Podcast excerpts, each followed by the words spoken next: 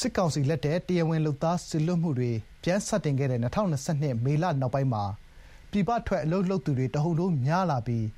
ရောက်ရှိတဲ့နိုင်ငံအလိုက် ပြဿနာမျိုးစုံကိုလည်း ရွှေ့ပြောင်းလုပ်သားတွေ ရင်ဆိုင်နေရပါတယ်။အလုပ်လက်မဲ့ဖြစ်မှုတွေ၊အခွင့်အရေးဆုံးရှုံးမှုတွေ၊လူကုန်ကူးတာတွေအထိ မြန်မာရွှေ့ပြောင်းလုပ်သားတွေကြားမှာ ဖြစ်ပွားနေတာပါ။သုံးနှစ်တာကာလအတွင်း မြန်မာရွှေ့ပြောင်းလုပ်သားတွေ ကြုံတွေ့နေရတဲ့ အခြေအနေနဲ့ ပတ်သက်တဲ့ သတင်းပေးပို့ချက်ကို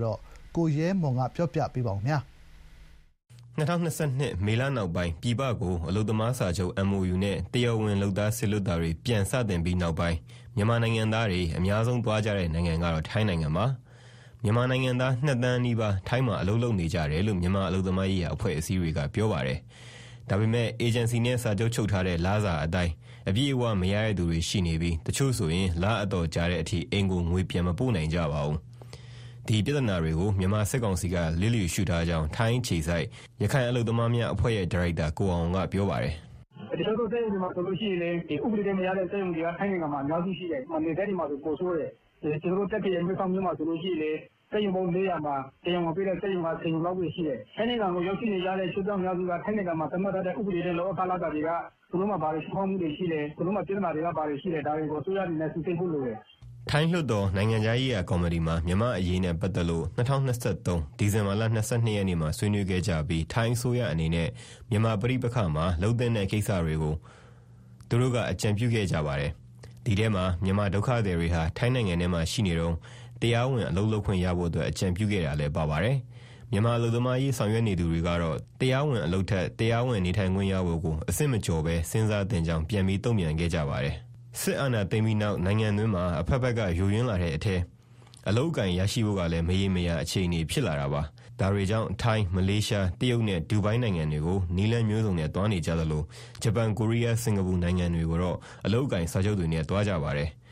မကြာသေးခင်ကဒူဘိုင်းရောက်သွားတဲ့မြန်မာအမျိုးသမီးတချို့ဟာလုပ်ငန်းခွင်မဝင်ရဘဲဒူဘိုင်းကတဆင့်အီရတ်နိုင်ငံဆူလီမာနီယန်းမြို့မှာဖိအားပေးအလုပ်စေခိုင်းခြင်းခံနေရပါတယ်။သူတို့ကိုကယ်ထုတ်ဖို့အတွက်ဆော်ဒီနိုင်ငံရီယာ့ဒ်မြို့ကမြန်မာသံရုံးကိုအီးမေးလ်နဲ့စာပို့ခဲ့ကြောင်းသူတို့ကပြောပါတယ်။လူကုန်ကူးမှုမြောက်တဲ့ဒီကိစ္စတွေအတွက် ILO လိုနိုင်ငံတကာအဆင့်အဖွဲ့အစည်းတွေမှာလည်းတာဝန်ရှိကြောင်းအလုပ်သမားအခွင့်အရေးကာကွယ်မြှင့်တင်သူများ LRDP အဖွဲ့ဝင်ကိုထွေးကပြောပါတယ်။အ ဓိကတော့ International Law နဲ့ ကျနော်တို့က ကိုင်တွယ်ရမှာပေါ့။ Migrant Law နဲ့ ဗမာပြည် Law အရဆိုရင်တော့ ဒါ အေဂျင်စီတွေ ချိုးဖောက်တာပေါ့။တကယ်တမ်းကျတော့ စစ်အစိုးရလက်ထက်မှာတော့ ဘာဥပဒေမှ မရှိဘူး။စစ်အစိုးရလည်း လုပ်ချင်ရာလုပ်နေတဲ့ အခြေအနေဆိုတော့ အဲတော့ နိုင်ငံတကာ အဖွဲ့အစည်းဆိုရင် ILO ကနေ အဓိက